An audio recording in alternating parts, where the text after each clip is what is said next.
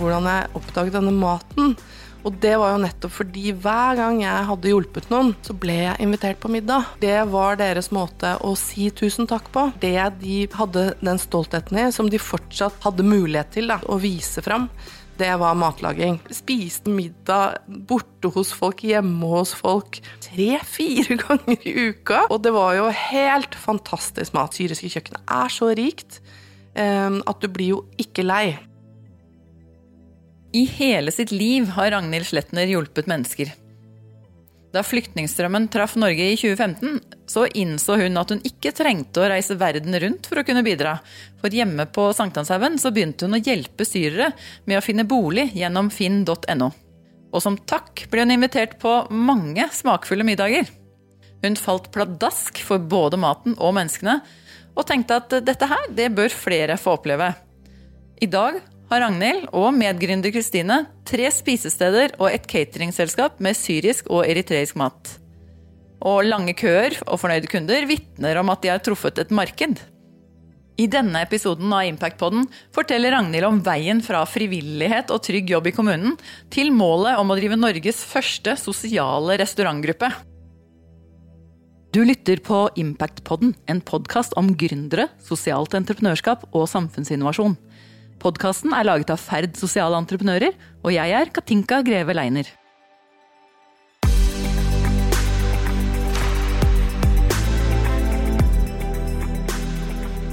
Velkommen til oss, Ragnhild Jennifer Sletner, gründer og sosialentreprenør i Mestringsguiden. Tusen takk. Historien om hvordan akkurat du ble gründer, den er vel blant de morsomste av de jeg har møtt på. Um, men det kan vi jo komme tilbake til. Fordi aller først så har jeg lyst til at du skal si litt mer om hva Mestringsguiden gjør.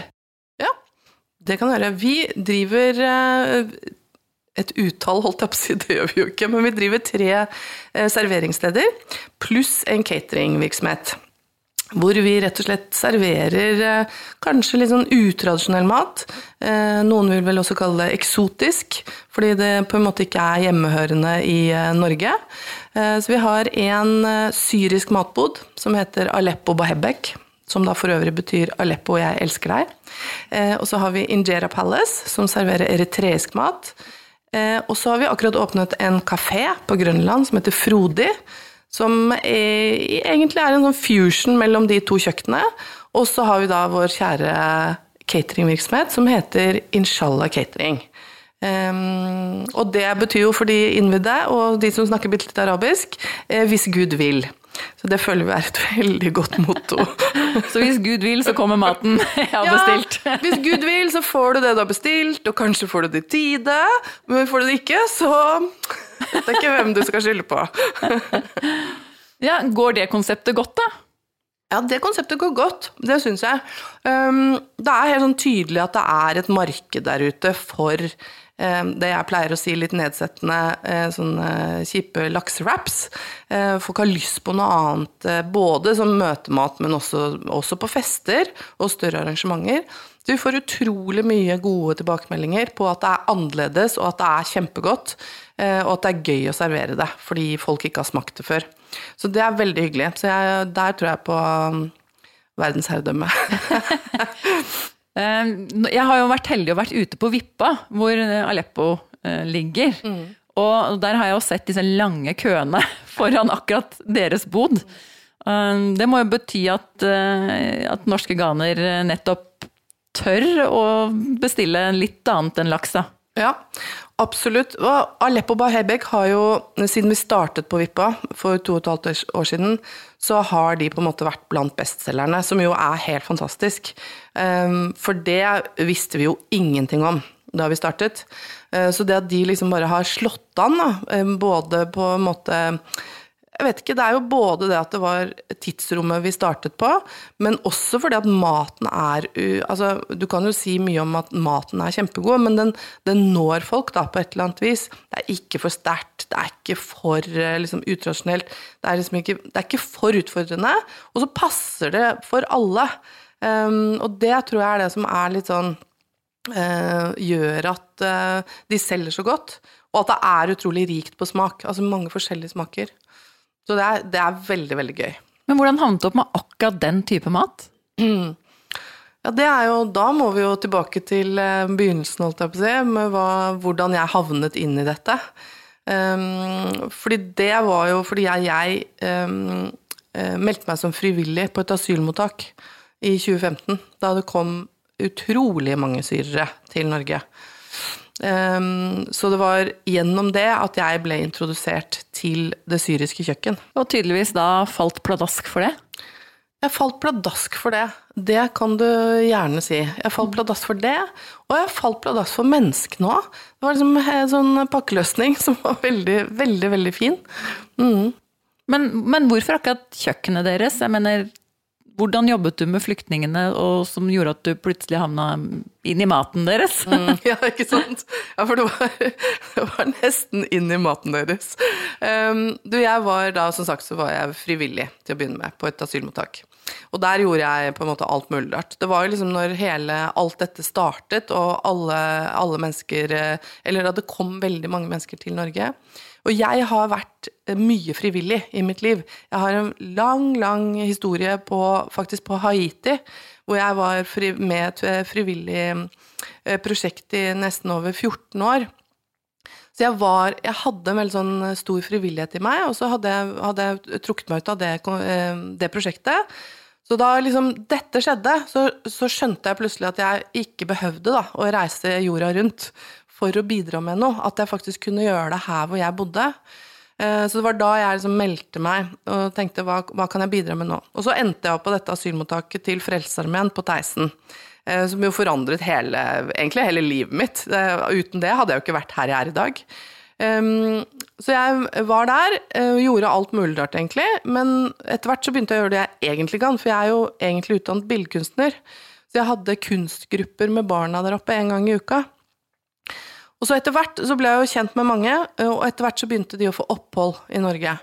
Um, og så uh, fortsatte jeg å holde kontakt med dem, og så så jeg at det var en kjempeutfordring. Fordi ventetiden på å bli bosatt uh, var så enormt lang. Den var på den tiden som var gjennomsnittet på, på å få bolig i en kommune var ett år og tre måneder etter at du hadde fått opphold. Uh, og da tenkte jeg bare dette er jo helt meningsløst. Uh, det er da ikke mulig, tenkte jeg. Uh, og så begynte jeg egentlig å forske litt på det, eller liksom gjøre litt research på det. Hvordan kan, hvordan kan jeg bidra da, til at de skal bli bosatt raskere? Eh, så da tenkte jeg jeg må bruke mitt nettverk. Egentlig må de bo der hvor jeg bor. Det var det første jeg tenkte. Alle inn i huset ditt, ja. Så jeg kontaktet by, min egen bydel, Sankthanshaugen, og begynte å nøste. Hvordan kan jeg bidra til at de jeg kjenner, blir bosatt? Og så begynte jeg å henvende meg på, på Finn, og fant boliger. Eh, så jeg begynte liksom å bosette flyktninger på det som kaltes selvbosetting. Og det gjorde jeg med stort hell, og masse folk som hadde lyst til å leie ut til flyktninger. Um, og så fortsatte med dette en god stund, som bare på som frivillig basis. Så litt sånn frivillig boligmegler, rett og slett? Eh, rett og slett frivillig boligmegler. Um, inntil jeg begynte at det tok ganske overhånd, for det ble liksom flere og flere, og det begynte å ikke bare være de jeg kjente fra før, men andre som hadde hørt at jeg hjalp til. Så jeg hadde jo liksom Messenger bare Det tikket inn meldinger liksom 24 timer i døgnet på folk som trengte hjelp til å, å finne bolig. Så det var egentlig det jeg drev med, og så, og så, kom jeg vel egentlig fram til etter en stund Nå høres det ut som dette her liksom varte veldig lenge, det gjorde jo ikke det. Men jeg fant ut i løpet av den tiden at det ikke var en frivillig oppgave, det jeg holdt på med. Eh, og da begynte egentlig den ideen til mestringsguiden og å vokse fram. At dette måtte gjøres i, i, system, og det måtte gjøres ordentlig. Pluss at jeg begynte å skjønne at, eh, er, at, jeg, at jeg, dekker et behov. Um, ja. Um, jeg kan komme tilbake til det, hva, hvordan jeg da liksom Den veien inn i selve gründerskapet. Men det du egentlig spurte om, var hvordan jeg oppdaget denne maten. Og det var jo nettopp fordi hver gang jeg hadde hjulpet noen, så ble jeg invitert på middag. Mm. For det var deres måte å si tusen takk på. Eh, for det var det de på en måte hadde den stoltheten i, som de fortsatt var, hadde mulighet til da, ikke sant? å vise fram. det var matlaging. Så jeg ble jo altså invitert på middag hele tiden. Og når jeg tenker tilbake, så er det, det er nesten litt sånn flaut. Fordi jeg spiste liksom middag borte hos folk, hjemme hos folk, liksom sånn tre-fire ganger i uka. Um, og det var jo helt fantastisk mat. Og det er et så rikt kjøkken. Det syriske kjøkkenet er så rikt um, at du blir jo ikke lei. Så, så, jeg ble jo helt sånn Jeg ble, ble, helt henrykt. Og jeg er jo i utgangspunktet også veldig glad i mat. jo, men jeg kan skrive under på det at den maten er jo altså Ja. Jeg hadde den på et 80-årslag. Ja, det ja, hadde du. Og da var jeg veldig spent. Men de åtteåringene det elsket den jo, så det er tydelig at den treffer eh, noe hos folk. Og de syntes den var spennende òg. Det var ikke bare at den var helt grei. Den var utfordrende også. Eh, men det var helt fascinerende å se på. Men Altså, Ragnhild, du fant ut at denne maten, den er god. Den liker jeg. Et steg videre da. Og hvordan ble det til Mestringsguiden? Altså, som sagt, så Mestringsguiden vokste på en måte ut av det behovet jeg så hos mennesker som trengte hjelp. Det var, det var utgangspunktet. Eh, med å finne bolig, eh, det å forstå liksom, systemene man har flyttet inn i. Vet, når man blir bosatt i Norge fra et annet land, så havner man i Nav. Eh, automatisk, enten man vil det eller ikke. Og Nav sender masse veldig uforståelige brev på norsk. Så det igjen, da. ikke sant, Jeg bosatt folk, og så fikk de brev fra Nav, og så forsto de ikke hva som sto der. Det gjorde jo nesten ikke jeg heller i begynnelsen. Så det var det der å deschiffrere liksom, hvordan, hvordan, ting fungerte. Og det hjalp jeg folk med. Så det var egentlig det jeg begynte med. Jeg så det der behovet for, for å få hjelp da, i den første bosettingsfasen.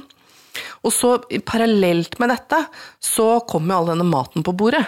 Eh, hvor jeg begynte å se at oi, det er jo altså, helt greit at man trenger hjelp i den første fasen, men gud hjelpe meg, folk har så mye kapasitet, og så mye kunnskap, og så mye erfaring Eh, som de da går rundt med og ikke får eh, brukt. Det var liksom det, det, som slo meg. Ja, For da var de på Nav, rett og slett? Ja, ikke sant. Og så skulle de inn på introduksjonsprogram, og så skulle de, skulle de jo kvalifiseres til eh, alt mulig rart. Uh, og det, det, var da jeg tenkte at her kommer det kokker, ikke sant, du, um, eller andre som har jobbet med mat, eller elsker å lage mat. Og etter all sannsynlighet, hvis de i det hele tatt skal få jobb i en restaurant, så kommer til å begynne i oppvasken. I skrubben. Ikke sant? Det er veldig klassisk og tradisjonelt. Så tenkte jeg at dette går jo ikke an, nok en gang. Eh, og så begynte jeg liksom å tenke at eh, det må jo kunne gå an å lage en syrisk restaurant. Eh, det finnes jo masse folk som kan lage den maten. Finnes ikke syrisk restaurant i Oslo. Det betyr at nordmenn som ikke har smakt dette før, må ha en syrisk venn for å liksom bli invitert på middag. Heldig meg. og i tillegg syrere selv hadde ikke noe sted å, å spise den maten. Så det var liksom da det begynte å vokse fram en idé om at det må jo være mulig. Um, og det viste seg at det var det jo. Så der ble Mestringsguiden født? Mm. I det. Mm. Men det som var også interessant med dette, var jo at jeg, som jeg startet med, så kom jo jeg på en måte fra frivilligheten. Jobben min var i det offentlige. Jeg jobbet i kulturskolen, Oslo kommune. Og så I tillegg så hadde jeg det frivillige. Så jeg kom jo fra en helt Jeg kom jo ikke fra en gründerverden. Jeg kom ikke fra et businessperspektiv. Um, så jeg um, Jeg strevde en god stund med å finne ut hva er det jeg skal starte?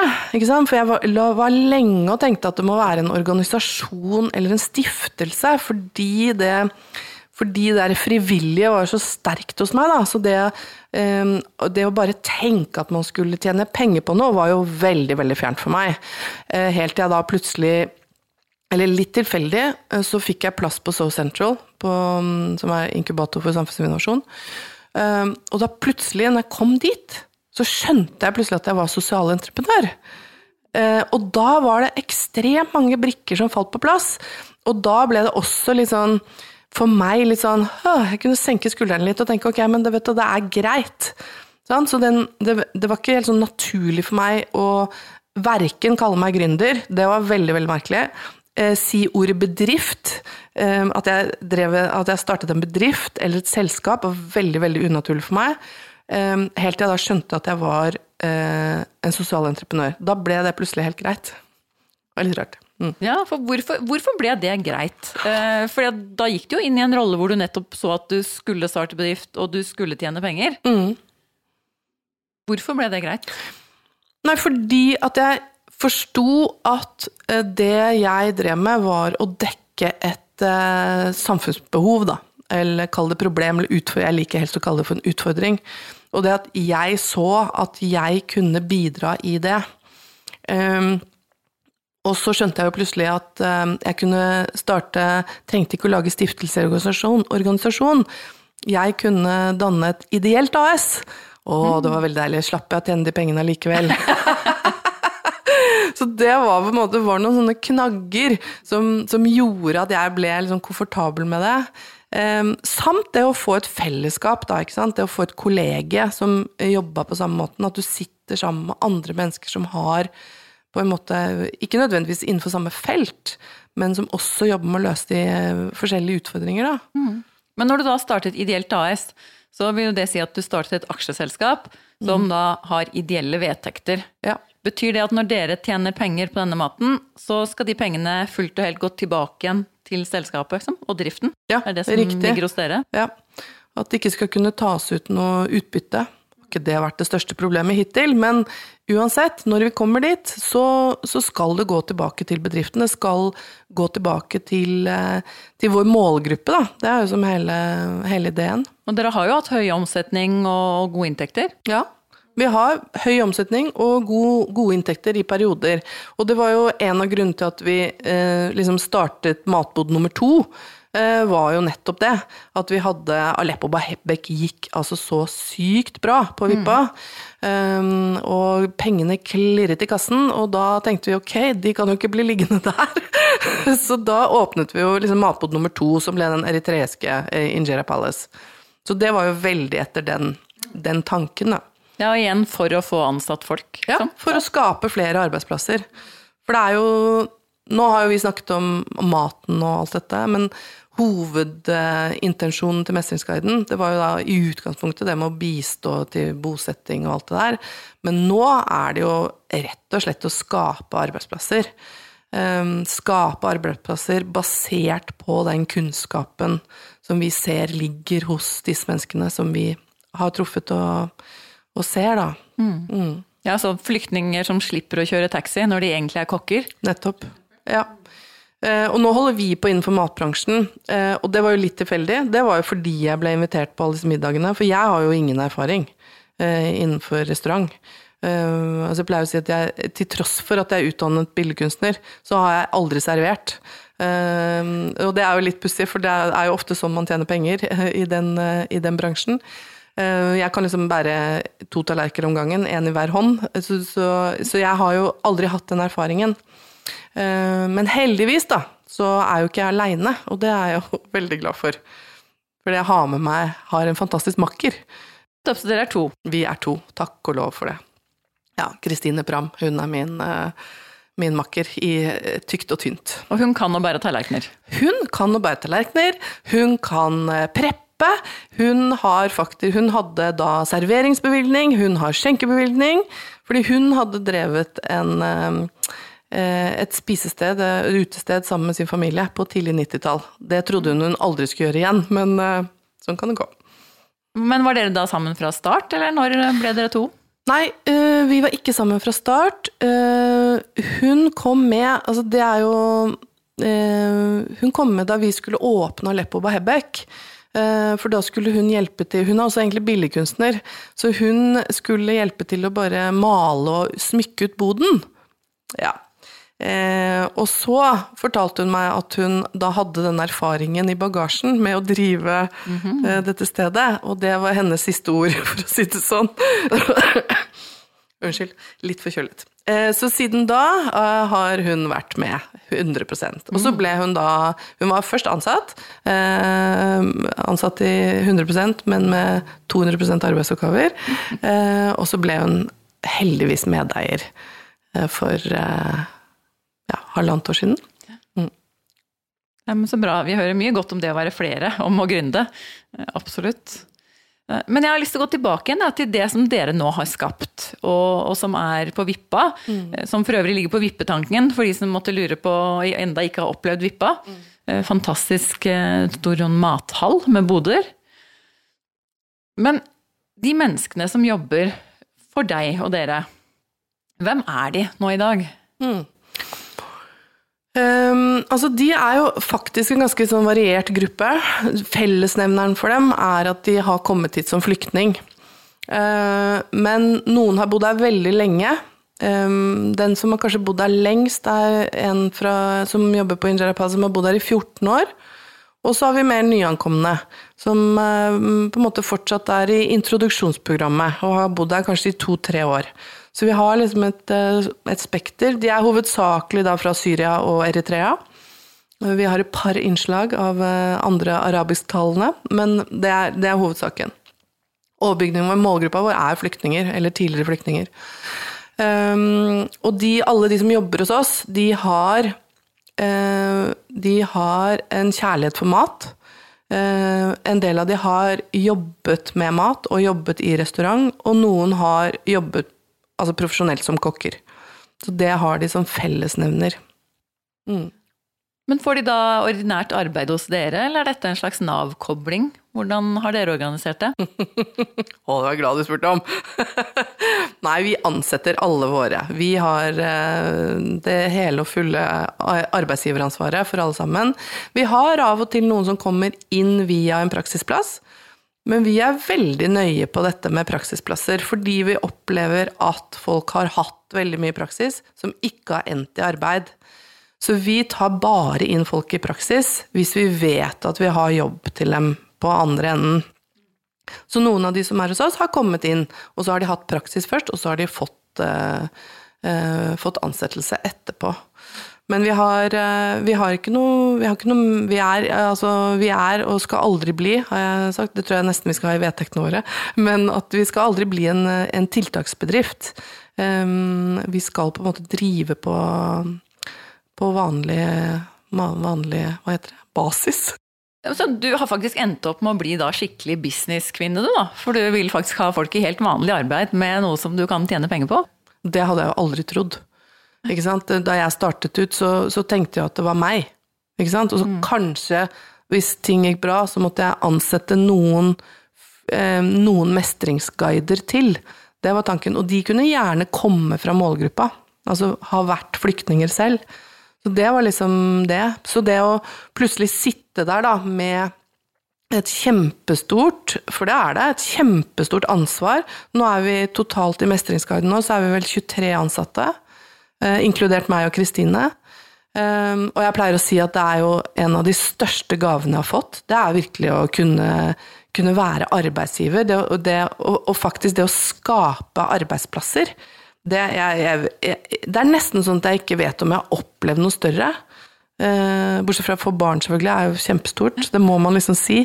Men, men det, er, det, er, kjempestort. Samtidig så er det et så stort ansvar som jeg går og kjenner veldig på, da. Eh, så det er, det er utfordringen. Den derre balansen mellom å være veldig glad for å være arbeidsgiver, og kjenne på det der eh, utrolige ansvaret der. Men da tror jeg nesten at du må ta oss litt inn i din opplevelse av å være arbeidsgiver. fordi sant, når du sier det ordet, så er det jo mange som vil tenke at arbeidsgivere, ja, da skal man ordne med lønn, og det skal alle det praktiske høres slitsomt ut. Hvorfor ser du sånn på det å være arbeidsgiver, og hvorfor er det så fantastisk å får lov til å ansette disse menneskene? Mm. Fordi veldig mange av de som er ansatt hos oss, de eh, har ikke fått arbeid noe annet sted. Eller de eh, ville ikke ha fått arbeid noe annet sted. Eh, og det er jo da må jeg passe på å si at det er jo ikke fordi de ikke kan arbeide, eller ikke kan utføre jobben sin. Eh, det er helt andre grunner til det, som, som, jo for meg er litt sånn uforstående. Noe skjønner jeg, for det kan være knytta til språk. Men det da å f.eks. gi arbeid til en som har bodd i Norge i ti år, aldri hatt lønnet arbeid, får fast jobb hos oss, sier 'tusen takk, Ragnhild', og jeg sier 'nei, det er jo ikke det'. Jo, for endelig har jeg fått en jobb som passer med meg. Det er Da blir jo jeg helt sånn Da blir jeg grøtete i målet og kjenner på en sånn enorm glede um, for at det er det vi driver med. Uh, når da samme vedkommende, uh, fordi hun har fått uh, fast jobb, får startlån og får kjøpt leilighet til seg og datteren sin, da er liksom det derre eh, Altså, da tenker jeg, finnes det liksom noe større mm. enn å, å kunne, kunne, gjøre det? Kunne liksom bidra til at, at, det blir en realitet, da. Det er fader meg helt fantastisk. Mm. Og dem har du da 20 av? Ikke alle har fått seg startlån ennå, da. Men, eh, men det, er, ja, det, er, det, er, 20 mennesker. Noen av de ville nok kunne få seg jobb andre steder. Noen har jo også gått videre, som på en helt vanlig arbeidsplass. Som har eh, eh enten sluttet hos oss, starta noe for seg selv, som jo er helt fantastisk, eh, eller begynt å jobbe andre steder. Og det er jo også kjempefint. Holder du oversikten over det? sånn at du Følger med. Ja, ja. Ringer og sier 'hvordan går det'? Behandler de deg bra? Mm. Men nå, da. Mestringsguiden. Eh, dere er på Vippa, dere er på Grønland. Mm. Og dere har catering, du mm. sier. Mm. Um, hva er drømmen?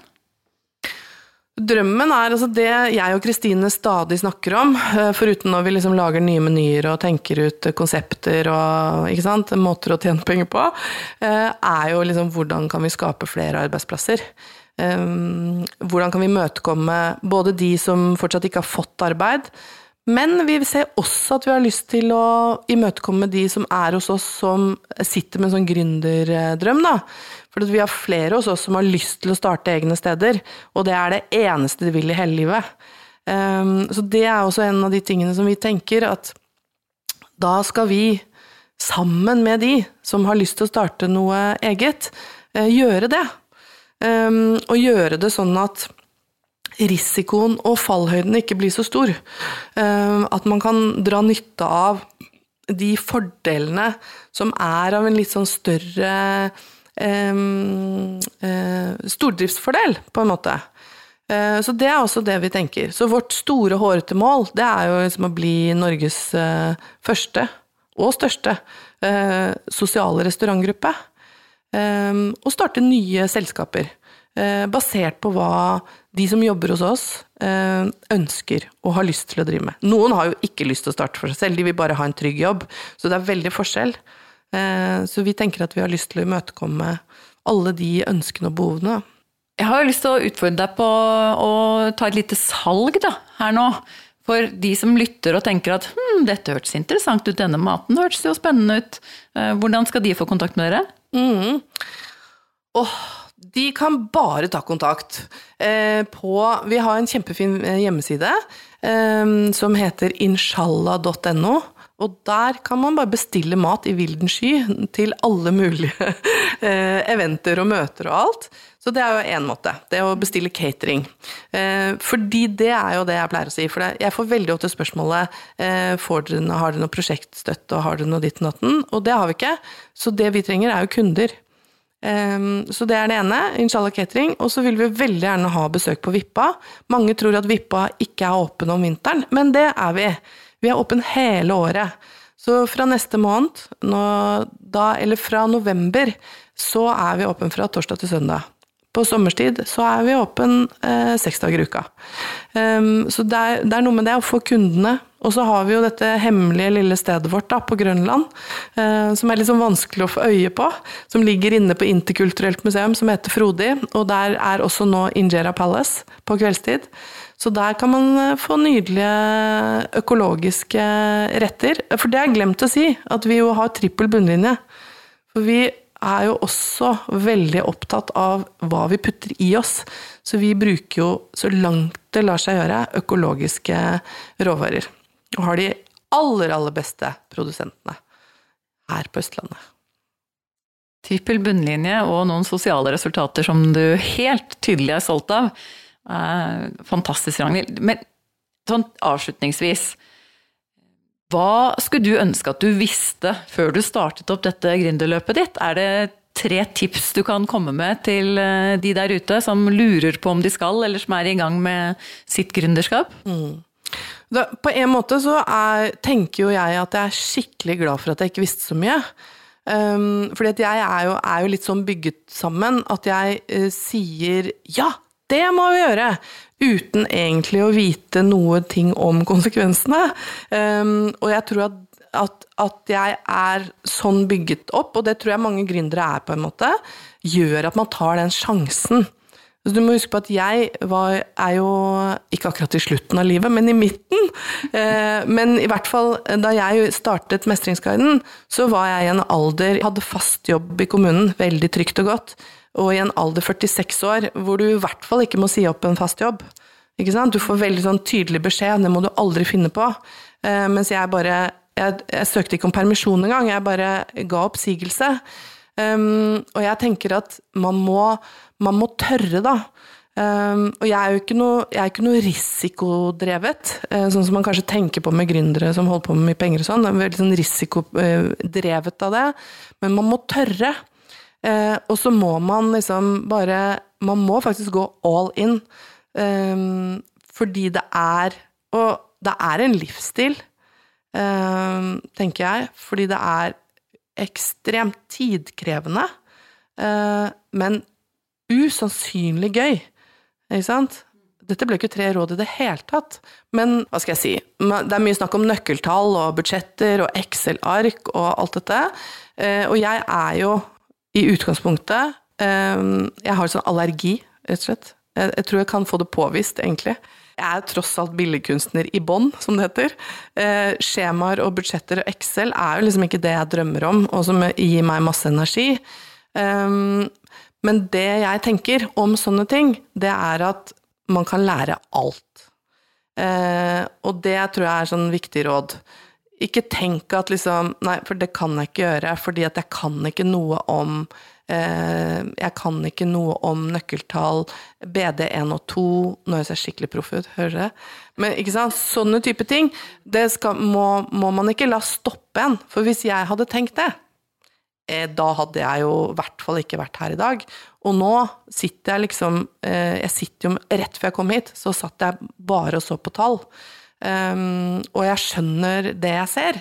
Uh, hvis noen hadde sagt det til meg, at Ragnhild, du skal sitte med sånne Excel-ark og budsjetter og resultater og lage regnskapsanalyser, så hadde jeg bare sagt nei, uh, beklager, det der er ikke for meg. Jeg fortsetter i min faste, trygge jobb i Oslo kommune. Ja, Så da gjelder det å tørre, og det gjelder å bare lære seg det.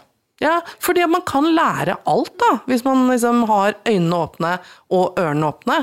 Så, så er det er jo ikke noe sånn tidspunkt hvor man ikke kan lære nye ting. Mm.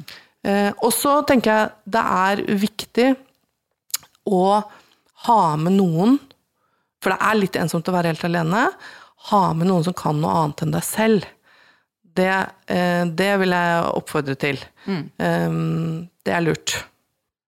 Det ser vi også, så den, eh, den kan skrives under på. Det er kjempespennende, Ragnhild, og jeg vet det er mye mer vi kunne ha snakket om. Hele innretningen deres og hvor dere, hvordan dere jobber. Men eh, vi kan jo håpe at det blir en ny runde. Og ja. da kan vi kanskje ønske deg velkommen tilbake, for å høre hvordan det går. Ja, da kan vi snakke om den der store restaurantgruppen, ikke sant? ja, ikke sant? Tusen takk for eh, deling med oss. Tusen takk for at jeg fikk komme. Og lykke til. Du lytter på Impactpodden, en podkast om gründere, sosialt entreprenørskap og samfunnsinnovasjon.